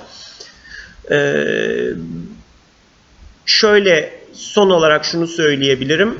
E, havacılık oldukça konservatiftir, çok muhafazakardır, fazlaca e, heyecana, fazlaca yeniliğe aslında açık değildir. Fakat özellikle itki, uçak motorları konusunda e, geçtiğimiz 20 yıl gerek malzeme, gerek tasarım teknolojileri, gerek tasarım kültürü, metodolojiler açısından çok çok e, verimli bir e, 20 yıl oldu. Ve şu anda e, dünya, en azından Batı dünyası ki Çin de takip ediyor onları e, hemen arkalarında bambaşka bir e, nesle geçti diyebiliriz. E, artık çok farklı malzemeler kullanılıyor. Artık çok özel üretim teknolojileri kullanılıyor. Bunların bir kısmı Türkiye'de var, bir kısmı yok. E, fakat bu e, gerçekten çok e, aşılması çok zor e, e, bir bir e, bariyer haline geldi. Çok kompleks bir şey haline geldi. E, Onur Hoca benden çok daha iyi bilir. E, uçak motoru altlığı teknolojilerinin büyük çoğunluğunun bu sofistikasyondaki teknolojilerin büyük çoğunluğunun sivil dünyada başka bir yerde pek de bir karşılığı yok aslında. Yani tren yapmak, işte bina çelik konstrüksiyonu yapmak, beton karıştırmak falan gibi bir şey değil. Ee, Yani o toleranslar, o akışkanlar dinamiği analizi, o sıcaklıklar, o sıcaklıklara dayanan malzeme benim bildiğim başka hiçbir yerde kullanılmıyor. Ve e, o rulmanlar, yataklamalar, o yağlamalar, o şeyler işte yağ sıcaklıkları falan hani insanın aklına böyle yarış arabası motorları, Formula 1 vesaire falan görüyor. Yok öyle değil. E, oralarda bile yok o sofistikasyonda işler. Dolayısıyla çok az yaygın kontrollü teknolojilerden e, oluşuyor. E, bu sebeple e, önemli bir şey aşil topu motor gerçekten e, savaş uçağı konusunda. Motorunuz ne kadarsa neye izin veriyorsa, neyi bulabiliyorsanız, neyi edinebiliyorsanız e, yaptığınız uçakta o olmak zorunda ister istemez. Savaş uçağından bahsediyorsak tabi savaş uçağının silahlarından da bahsetmemiz gerekiyor. E, silah sistemlerinin çeşitliliği bir hayli artmış durumda. Çünkü e, silah sistemlerinden bahsettiğimizde e, işte makinalı tüfek, makinalı top bir kenara e, havadan yere bombalar, e, güdümlü füzeler, havadan havaya füzeler. Şimdi e, klasik yani güdümsüz mühimmatları bir kenara bırakalım. Güdümlü mühimmatta yani bir mühimmatın güdümlü olması ne demek? Hedeflediğiniz yere e, ulaşabilmesi için o silaha rota düzeltmesi e, verebiliyor musunuz? O zaman şuna geliyor iş. O bıraktığınız, fırlattığınız silah, mühimmat 3 boyutlu uzayda nerede olduğunu biliyor mu? Hedefinin nerede olduğunu biliyor mu? Ve bu iki bilgiyi karşılaştırarak o e, hedefe nasıl ulaşacağına nasıl karar verecek? Bunun işte e, 1950'lerden itibaren çok primitif yöntemleri ile başlandı. Havadan havaya füzelerde önce kızılötesi güdüm, ardından radar güdümlü füzeler. Havadan yere e, mühimmatlarda lazer güdümü, e, elektrooptik televizyon güdümü. Ama işte yine aynı şeye geliyoruz. Elektronik sanayinde, sensör teknolojilerindeki gelişmelerle birlikte sensörlerin ve yazılım donanım sensörlerin ve donanımların boyutları küçüldü. Yazılımlarında ya da e, nasıl diyeyim kontrol sistemlerinin kabiliyetleri de gelişti ve yavaş yavaş 2000'lerden itibaren aynı anda birkaç farklı sensörü bir araya paketlemek mümkün hale geldi. Yani e, bir lazer güdümlü yani hedefe aynı işte laz- lazer pointer tuttuğunuzu düşünün. O noktaya doğru giden bomba bir yandan da GPS alıcısıyla uydudan işte koordinat verisi alıp her iki veriyi birbiriyle karşılaştırarak daha keskin bir vuruş yapabilir hale geldi. Ya da işte artık iki güdüm sisteminin yanına üçüncüsü de eklenerek işte e, radar ya da mikro radar e, milimetre dalga boyunda çalışan radarlar da eklenerek e, kötü hava koşullarında da o e, mühimmatın hedefini vurabilir hale gelmesi gündeme geldi. Bu kabiliyetler artık mümkün hale geldi. O da yetmedi. Bu üç farklı güdüm sistemini kullanan mühimmatların arkasına bir de data link sistemi eklenip atılan uçakla veri haberleşmesi yapması ve böylelikle uçuş sırasında hedefini değiştirmesi ya da işte artık yavaş yavaş bu swarm dediğimiz küme saldırılarda olduğu gibi e, bu mühimmatların kendi kendilerine diğer mühimmatlarla veri alışverişi yapıp hedefe koordineli saldırılar gerçekleştirebilmesi, planlayabilmesi, kendi kendilerine taktikler e, geliştirebilmesi gibi böyle artık daha uç örnekler e, söz konusu olmaya mümkün hale gelmeye başladılar. O zaman da şuna geliyor iş. E, uçak, yani muharip uçak yavaş yavaş hakikaten bir taşıyıcı platforma, hani kamyon benzetmesini kullanmak istemiyorum ama bir taşıyıcı platforma dönüşüyor. Sensörlerin taşındığı ve e, silahların taşındığı bir platform. O zaman uçağın bir hava aracı olarak performansı, ivmesi, kinematik özellikleri hala önemli evet ama esas önemli olan, esas farkı yaratan, esas onun bir askeri platform olarak değerini belirleyen şeyler görev sistemleri ve silah sistemlerinin yetkinlikleri haline geliyor. O zaman da e, aynı görev sistemleri e, başlığında bahsettiğim üzere nasıl bir harekat konseptinde kullanılacak bu uçak? E, hangi silahları hangi senaryo hangi tür senaryolarda nasıl kullanacak? Diğer dost sistemlerle birlikte nasıl görev yapacak? Bu soruların yanıtlarının daha o uçak ortada ol- olmadan, tasarlanmadan e, net bir şekilde verilebiliyor olması gerekiyor ki uçağın işte motorundan tutun görev sistemlerine kadar hepsinin tasarımı yapılabilsin. Ee, 1950'li 60'lı 70'li yıllarda yani işte ikinci, üçüncü nesil uçaklarda gördüğümüz üzere e, savaş uçakları genelde belli görevler için tasarlanıyordu. Yani İngilizce tabiriyle dedicated uçaklardı. Evet. Ancak hem görev sistemlerinin yetkinliklerinin ve çeşitlerinin gelişmesi hem de uçakların farklı türlerde silahları aynı anda taşıyabilmeleri özelliklerinden dolayı artık tek bir platform, tek bir savaş uçağı hem keşif, hem havadan yere taarruz, hem havadan havaya muharebe gibi çok farklı görevleri ve aynı anda yapabilen niteliğe dönüşüyor. Bu da aslında meselenin biraz daha ekonomiyle ya da harekat askeri planlamayla alakalı kısmı. Aynı işi aynı işi yapmak için daha az sayıda uçağı e, barındırmanız, kullanmanız e, söz konusu olabiliyor. E, bir hava kuvvetinin işte belli görevler için toplamda söz gelimi 100 tane uçağı eski nesil 100 tane uçağa sahip olması gerekirken artık e, aynı tür görevleri hakkıyla yapabilmesi için belki 50 uçaktan oluşan bir filo idame etmesi e, yeterli olabiliyor. Bütün bu hesaplarda aynı zamanda uçuşa hazırlık oranı gibi lojistik bahsın, lo- lo- lojistik başlığında da bahsettiğimiz başka e, etkenlerde söz konusu. Modern bir savaş uçağının belki işte söz gelimi 200 saatte bir bakıma girmesi gerekirken belki eski nesil uçakta bu süre çok daha az. Yani 50 saatte 100 saatte belki bakıma girecek. E, bu tür e, bu tür e, farklılıklar da çok belirleyici oluyor. E, ve aynı şekilde işte silah sistemlerinin isabet hassasiyetinin e, yüksekliğinden dolayı bir hedefi imha etmek için eskiden söz gelimi işte 3 uçakla e, 10 tane mühimmat harcarken şimdi belki bir uçakla bir ya da iki tane mühimmat harcayabilir hale geliyorsunuz. Ya da bir seferde çok daha küçük boyutlu 10 tane mühimmat harcayarak 10 farklı ya da 8 farklı hedefi vurabilir hale gelebiliyorsunuz. Bu da aslında özellikle modern e, harp sahasında ihtiyaç e, duyulan ya da e, giderek daha e, artan oranda gereksinim duyulan e, kabiliyetler. Lojistik destek aslında e, gövde başında da bundan epeyce bahsettik. Çok fazla belki derinleştirmeye gerek yok ancak bir muharip uçağın ömrü boyunca e, ihtiyaç duyacağı tüm bakım onarımların planlanması, özellikle e, e, elektronik sistemler başta olmak üzere ve motor tabi e, bunların ömürlerinin ya da bakım sıklıklarının planlanması, tasarımlarının ve geliştirmelerinin buna göre yapılması e, artık e, o uçağın başarılı bir tasarım olup olmadığını belirleyen en önemli parametreler arasında. Ve son olarak da ömür devri yönetimi.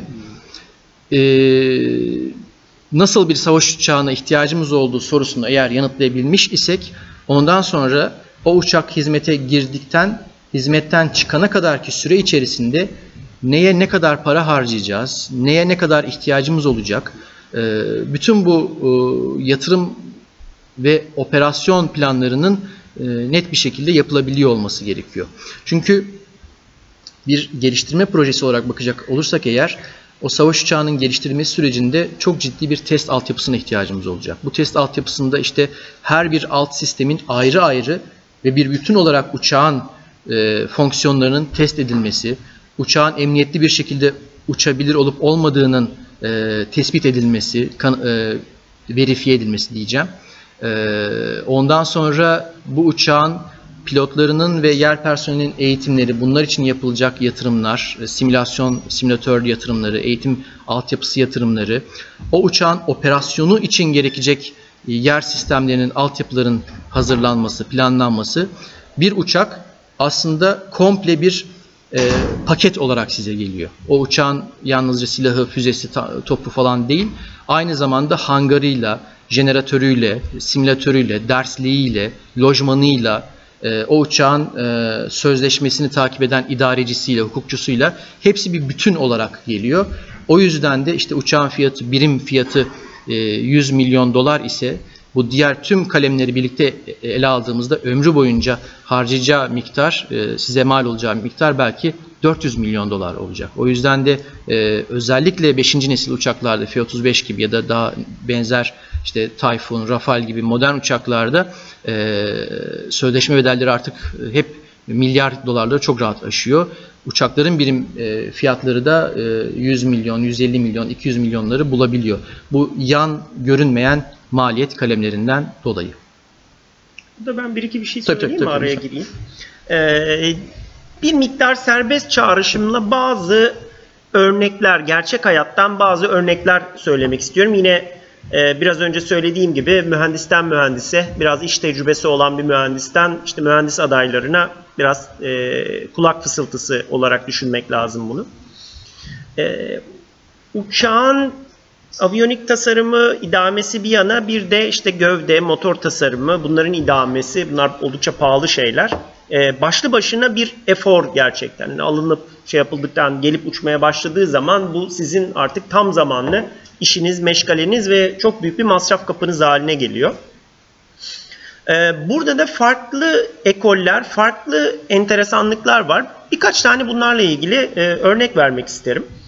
Ee, havacılıktaki ekoller yani uçağı Amerika'dan mı alıyorsun, uçağı İngiltere'den mi alıyorsun, Fransız'ın uçağı mı, Rus uçağı alalım ya da Çin'den gelsin falan dediğiniz şeylerin arkasında uçağın işte şeklinin öyle olması, euro kanarda olması, önünde bir şeyler olması falan filandan ziyade bir de bu idame kültürü açısından da e, e, e, gün ve gün işlemler açısından da çok büyük farklar var. E, biz genelde Türk Hava Kuvvetleri mesela Amerikan ekolüne daha çok alışkın. Amerikan Hava Kuvvetleri'nin ekolüne alışkın. Ee, ve mesela işte bir gövdeyi yapıyoruz. O gövdenin üzerinde eğer aeroelasticity dersleri işte e, aeromechanics e, gibi dersler alan meraklı olan varsa aranızda bir şey ifade edecektir. İşte e, stringer'lar var e, vesaireler. Bunlar işte stres tensörleri var şeyin üzerinde. E, gövdenin üzerinde ve e, manevralarla şeylerle çeşitli yapısal yüklerden dolayı bunlar sürekli değişiyor ve uçak e, uçağın yük taşıyan yapısal elemanları sürekli bir e, cyclic load altında şey yapıyor. Majör yükler var, daha e, küçük cyclic e, yükler var falan filan gibi ve bir yani şeyde e, me, hepiniz meraklısınız e, bu seçme bir kitle buradaki işte mesela TÜBİTAK SAGE'nin e, e, bilmem ne mühimmatını e, uçaktan salarken e, Twitter'a koyduğu e, videoda falan görüyorsunuz. Hakikaten şey salandan e, mühimmatı bıraktığı anda ağır da bir mühimmatsa kanat sallanıyor falan. Bunların hepsinin e, hayata stres tensörleri e, perspektifinden bakan insan için arka tarafta böyle Matrix'teki gibi falan bir anlamı var. E, ve genel kabulleniş aslında e, bu şey taşıyan, yük taşıyan e, elemanların, e, yapısal elemanların üzerinde belirli çatlakların olması, olmasa da oluşması ve e, hayatı boyunca, e, çalışma koşulları boyunca uçağın üzerinde bu çatlakların ne kadar yürüdüğü ve ne yöne yürüdüğüyle ilgili bir denklemi, bir optimizasyonu e, götürmeye çalışıyorsunuz. Bizim de Gerek işte e, F4'lerde vesaire sonra F16'larda falan yaptığımız şey genelde bu. Buna Fransızlar farklı yaklaşıyorlar. Farklı bir şeyle bakıyorlar. Siz işte e, ultrasonik problarla vesairelerle da yeri geldiğinde X-ray ile vesaireyle parçaya bakıp onların işte şeylerini ölçerken çatlaklar bir önceki seferde çap, e, genişliği buymuş, boyu da buymuş. Aa bu çatlak oraya yürüdü vesaire derken yahut da zaten yapının içerisine e, yük taşıyan elemanların üzerine o çatlakların ilerlemesini geciktirecek ya da durduracak bir takım e, fiziki şeyler ya da e, bir takım malzemeye e, malzeme özelliklerine yönelik bazı feature'lar e, e, koymuşken bu bir kedi fare oyunu. Sürekli bir gözlem altında tutma ve yeri geldiği zaman da parçayı değiştirme, overall'e sokma vesaire falan e, denkleminde gelişiyor. E, mesela Fransız ekolü bundan tamamen farklı. E, Ruslar tamamen bundan farklı. Onlar başka şeylere bakıyorlar, başka şekilde ölçüyorlar, başka parçaları değiştiriyorlar. E, işte uçağın tasarımı sırasında bir e, eskiden gelen bir kültürü bu sebeple de taşımanız gerekiyor. E, enteresan örneklerden bir tanesi şu. E, F-35 uçağından en güncel örneklerden ve aslında en garip örneklerden biri olduğu için e, dönüp dolaşıp bunu e, söylüyorum sürekli. F-35'in 3 tane değişik modeli var. Bir tanesi işte hava kuvvetlerinin falan kullandığı normal bizim F-16'lar gibi kalkıp inen bir modeli. Bir de mesela en ekstrem e, olanı e, uçak gemilerinden katapultla atılan daha büyük kanatları olan falan bir modeli. Şimdi bu iki dış gövdeye baktığınız zaman aa evet diyorsunuz doğru bunun kanatları daha geniş. Altında bir tane kancası var. Ön iniş takımı iniş takımları falan daha farklı vesaire. Hayır bir de içine girdiğiniz zaman içeride bir sürü şey farklı. Ee, uçağın iç yapısının da ana yük taşıyıcı olan işte o motorların falan motorun vesairenin de bağlandığı oradan ta kanatlara kadar giden ana yük taşıyıcı e, o structural bulkhead dediğimiz parçalar mesela A modeli ile C modeli arasında epeyce farklı. Da A modeli tamamen alüminyumdan yapılmışken artık C modelinde belirli bazı parçaları titanyumdan e, döverek yapmak zorunda kalıyorsunuz. Üzerlerindeki yüklenmeler farklı. Aynı ya benzer e, altyapıda üretilmiş epeyce de birbirinin aynı parçalar e, kullanılarak yapılmış uçakta Amerikan Hava Kuvvetleri'nin o idame e, kültürü ve aradığı şeyler tamamen farklı. Amerikan Deniz Kuvvetleri'nin aradığı şeyler tamamen farklı. Bir tanesi çatlakları görüp var olduğunu bilip onların yürümesini kontrol ederken öbürü çatlaksız bir yapıdan e, gittiğine yönelik başka bir matematik hesap e, kullanıyor idamede ve dolayısıyla bir tanesi benzer bir yapıyı Amerikan Hava Kuvvetleri 12.000 saate kadar kullanırken öbürü diyor ki hayır benim uçağımın ömrü 8.000 saat. Bu kadar şeyi kaldırır. E, çünkü farklı şekilde bakıyorlar, farklı matematikle bakıyorlar, farklı kabullenişlerle bakıyorlar. E, geri dönüp döndüğünüz zaman baktığınız zaman işte bunların hepsi farklı birer tasarım parametresi. Bu içinde yaklaşık son bir saattir işte içinde kaybolduğumuz bilinmeyenler denkleminin içerisinde ekstra bir denklemde bu. Neye göre bakacaksınız? Neye göre oluşturacaksınız? Uçağın çok yakışıklı olması, aerodinamik olarak şöyle böyle olması, motorunun çok güçlü olması bir yere kadar. Bunlar uçağın e, tasarım e, eforunun içerisinde aslında küçük bir bölüm. Arkasındaki kırılım bu tür can sıkıcı, e, gerçekten sıkıcı dökümana dayalı, istatistiğe dayalı bir takım e, şeylere bakıyor. E, motorun idamesi de hakeza böyle. Üzerindeki işte sıcak sektör parçaları vesaireler, bunların üzerindeki kaplamalar, bunların ne yapacağı, bunların zaman içerisinde kaplamaların soyulması, şeylerin toleransları, birbirine sürten parçaların e, aşınması, bunun ne kadar aşınmasının e, tolere edilebileceği, Elinizde bir tane parça var. Milli Muharip Uçak geldi karşınıza. Önün üzerinde de yerli motor var.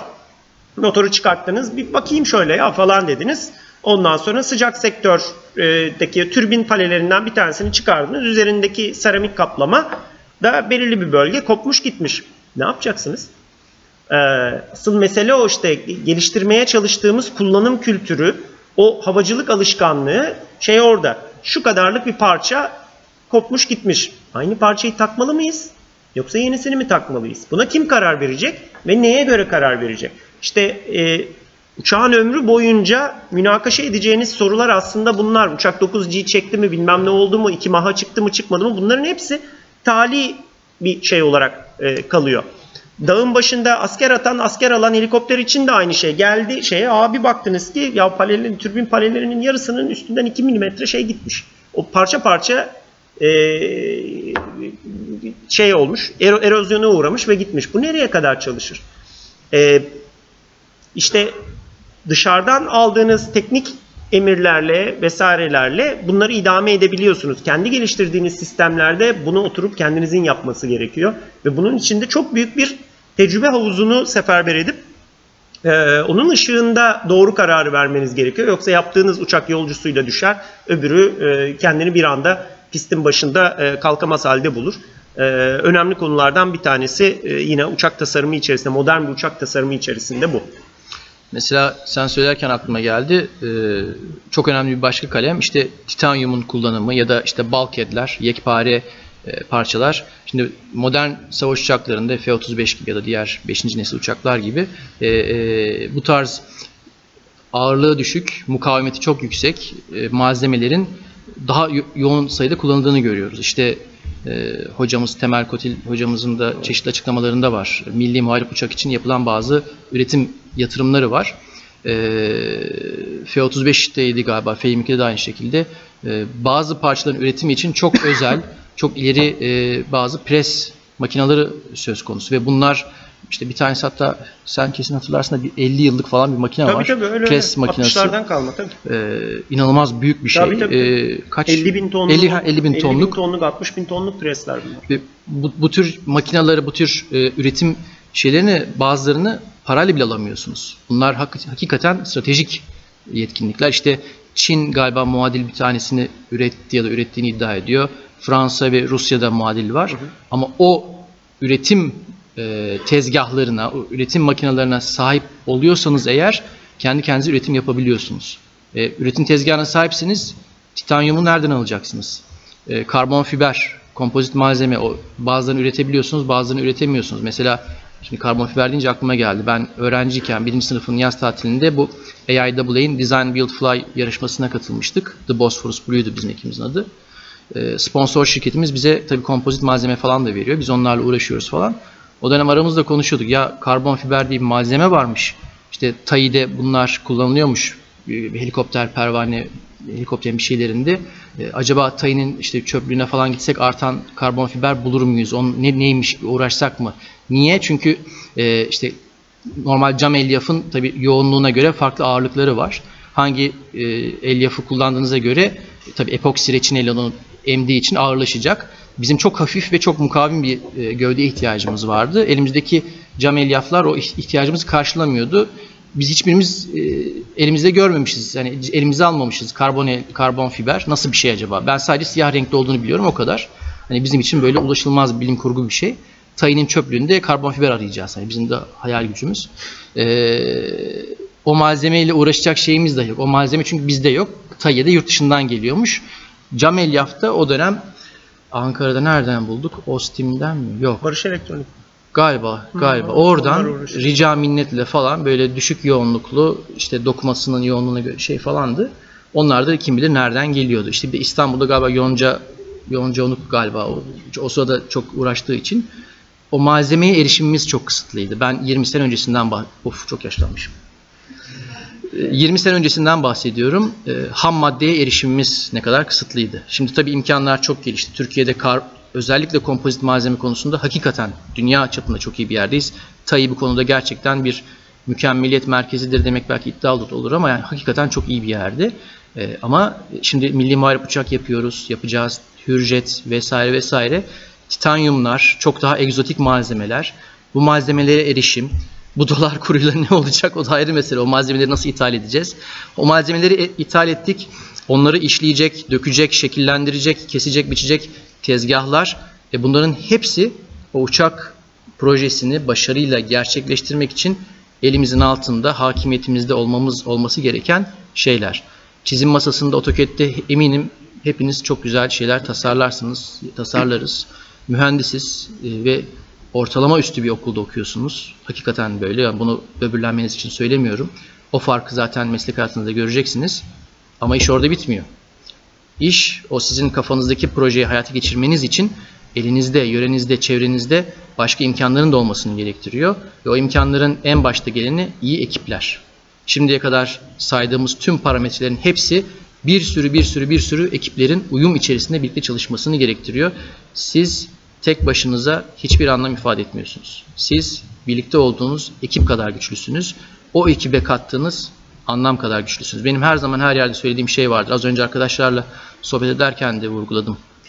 Kafanızdaki fikir, proje, bireysel yetkinlikleriniz, kabiliyetiniz ne kadar yüksek olursa olsun onu karşınızdakine, ekibinize aktaramıyorsanız, paylaşamıyorsanız, birlikte bir şey üretemiyorsanız hiçbir anlamınız yok. Hiçbir ifade etmiyor. O yüzden de işte e, sizin o ekipler, bu şimdiye kadar saydığım bütün parametreler, belki hepiniz büyük çoğunuz Milli Muharip Uçak Projesi'ne görev alacaksınız. Hürjet'te vesairede, işte Bayraktar'da, Akıncı'da. E, o ekiplerde sizin ya sen motor yapıyorsun da ben de şu konu şu tarafta çalışıyorum. Acaba bizim şöyle şöyle bir şeylerimiz ortak olur mu? Sen bana ne vereceksin? Ben sana ne vereceğim falan. Bu, bu, bu etkileşimlere girebiliyor olmanız gerekiyor. Şimdiye kadar ki bu bütün gevezeliğimizin aslında ana fikri bu. Bunların hepsi teknik problemler olduğu kadar bir o kadar da e, sosyal pro- problemler. Bunların hepsi sadece bir savaş uçağını geliştirmek sadece bir e, bir e, mühendislik problemi değil, bir yapılabilirlik problemi değil. Her şey, benim e, meslek hayatımda çok böyle kafamı yer etmiş anlardan birisidir. Şimdi kendisi galiba Aselsan'da benim ilk amir diyeyim yani ekip liderlerinden birisi. Bize devamlı böyle irili ufaklı projeler geliyor. O zaman eski şirketteyim. Ee, işte şöyle bir iş var, böyle bir iş var, şu geliyor, bu geliyor. Hep sorusu hep fix aynıydı. Ne kadar süremiz var, ne kadar bütçemiz var. Günün sonunda her şey süre ve bütçeye dayanıyor. Yani o süre sınırsız da olabilir, sonsuza yakın sayabilir.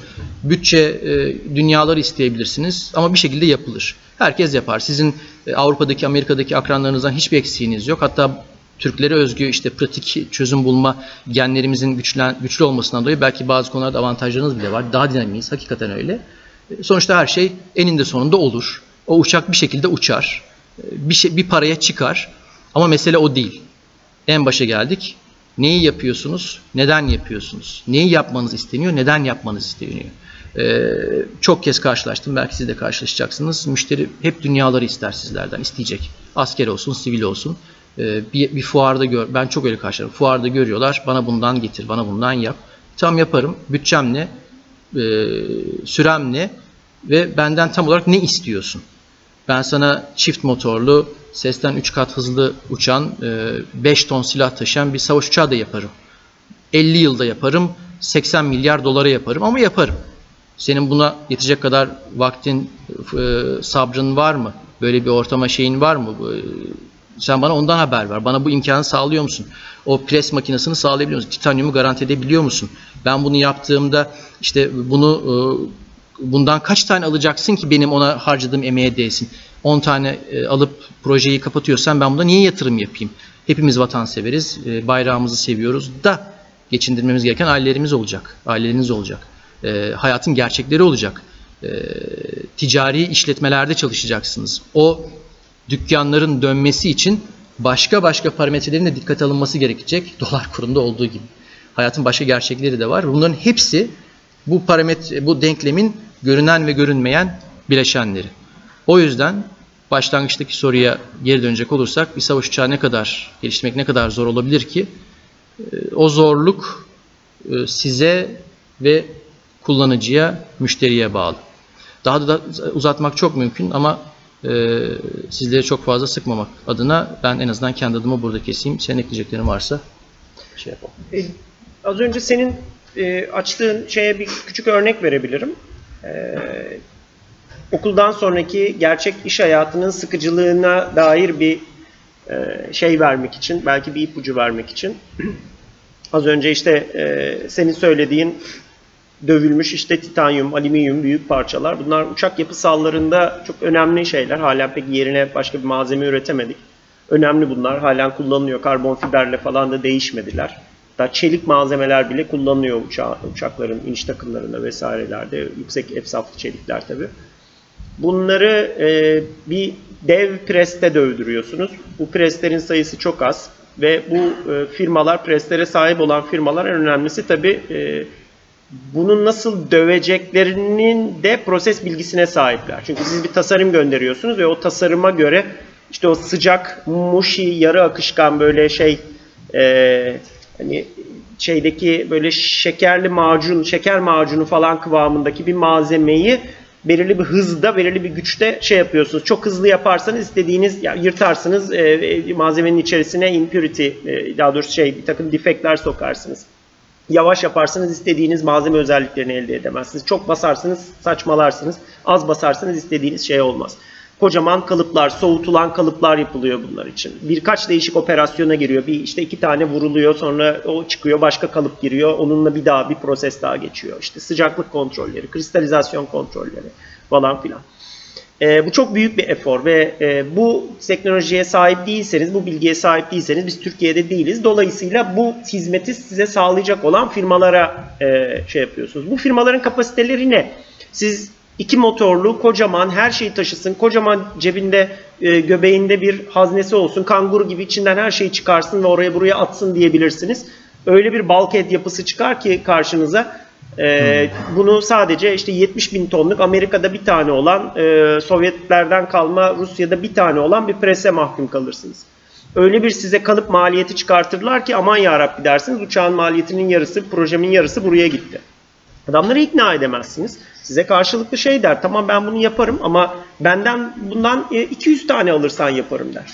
E, atıyorum tamamen ve siz neyse bir şeyde henüz almadığınız bir siparişe karşı e, bu e, şeyi parayı peşin verirsiniz. Size işte kalıpları yaparlar, bilmem ne yaparlar. Titanyumu, alüminyumu bulursunuz, getirirsiniz. Koca bir dağ olur 200 tane şey için. O dağın hepsini adam bir seferde bir boşluk bulur. Tak tak tak basar sizin için ve 200 tane uçağın en büyük parçalarını inanılmaz bir parayla size getirir. Bir anda karşınızda 2 milyar dolarlık bir ödenmesi gereken bir fatura çıkar. Ortada doğru dürüst satış yok. Daha prototip dönemindesiniz vesaire falan filan. İşte bunlar e, işin yönetilmesi gereken e, zorlukları. E, ve anlaşılan herhalde Milli Muharip Uçak Projesi'nde bunun e, sarpa sarabileceği düşünülmüş ki Temel Hoca çok açık bir şekilde Temel Kotil şey dedi bana kimse bunu yapmaz dedi. Bizim Milli Muharip Uçağın çift Evet. motorlu bir uçak iki tane arasından motor geçecek koca bulkhead parçasını bana yapmazlar dedi. Parasıyla bile yapmazlar. Kimse uğraşmaz belki dedi. Çünkü sivil havacılık belki şu Covid'den dolayı biraz sekteye uğradı ama sivil havacılık dahi oldukça e, canlı. E, bu çok kısıtlı bir kabiliyet. Dolayısıyla sivil havacılıkta, askeri havacılıkta herkes aynı pastayı bölüşmeye çalışıyor. E, burada bize sıra gelmez dedi ve ben bunu additive manufacturing ile yapmaya çalışacağım dedi mesela. Burada farklı bir yaklaşım ortaya çıkardı ve bununla birlikte additive manufacturing ile bunu şey yapmak ha tamam olur birini kaldırırız additiveli parçayı koyarız dediğinizde öyle olmuyor işte. Ee, Gani Melik orada o şey e, daha iyi biliyor. İşte bunun bambaşka bir e, malzeme özelliği altyapısı var. Bütün tasarım bilginizi, malzeme dayanım şeylerinizi, e, e, tasarım varsayımlarınızı, kabullenmelerinizi falan ona göre yeniden kalibre etmeniz vesaire gerekiyor. Bu gerçekten uçak tasarlama dediğimiz şey hani bir oklavayı upuzun bir oklavayı oklavayı e, bir ucundan parmağınızın ucunda dengede tutmaya falan benziyor. Gerçekten çok zor bir e, çok zor bir süreç. İşte bu dev makinenin içerisinde siz de mezun olduğunuz zaman bunun bir parçasında umuyorum ki yer alacaksınız. E, o dişlilerden bir tanesi olacaksınız ama e, Arda'nın da benim de sıkça söylemeye çalıştığımız şey naçizane belki e, resmin tümüne görebilmek, resmin tümüne hakim olabilmek işte o oklavayı ayakta tutabilmenin e, tılsımına biraz daha katkıda bulunabilme imkanı sağlar. E, size bu daha e, kırılması, dağıtılması zor bir tasarım ekibi e, ortaya çıkarmaya e, imkanı sunar. E, bilen daha az bilenden her zaman bu konuda e, üstündür. Evet aslında dediğim gibi daha konuşacak çok şey var ama özet olarak e, belki bu şekilde e, aktarmak mümkün. Dediğim gibi ne kadar zor ne kadar kolay tamamen sizlere bağlı. Sizlerin yetkinliklerine bağlı. E, naçizane tavsiyem bu hani bir abiniz olarak e, tavsiyemdir. Uzmanlığınız olsun, belli alanlarda ilginiz olsun ama komşu alanlara ya da çok farklı konulara da e, ilgi duymaktan, merak duymaktan lütfen e, alıkoymayın kendinizi. Çünkü bir mühendis olarak e, ne kadar geniş bir perspektiften hayata, olaylara, problemlere bakarsanız çözüm getirme kabiliyetiniz o kadar yüksek olur. Sosyal becerileriniz, sosyal kabiliyetiniz buna dahil. E, yalnızca akışkanlar, yalnızca işte kontrol teorisi ya da yapısal mukavemet vesaire değil edebiyata da ne bileyim işte tarihe de ya da farklı mühendislik disiplinlerine de e, ilginiz olmasını şiddetle tavsiye ederim. E, o ilgilerin, o bilgilerin faydasını meslek hayatınızda çok göreceksiniz. Çünkü e, mühendislik hele ki havacılık alanında ya da savunma alanında e, çok daha ileri teknolojilerin olduğu alanlarda mühendislik disiplinler arası bir bakışı gerektiriyor. E, çok iyi hesap kitap yapan de- değil, e, çok esnek çözümler üretebilen, çok iyi ekip üyesi olabilen e, mühendislere ihtiyacımız var. E, ben sizlerin hepinizin gözünde şimdi deminden beri böyle fıldır fıldır böyle burayı tarıyorum. Hepinizin gözünde o ışığı görüyorum. Umarım en kısa sürede sizler de e, bu cephede yerlerinizi alırsınız. Sabırla dinlediğiniz için teşekkür ederim. Davetiniz için tekrar teşekkür ederim. Umarım faydalı olabilmişizdir. Sağ olun.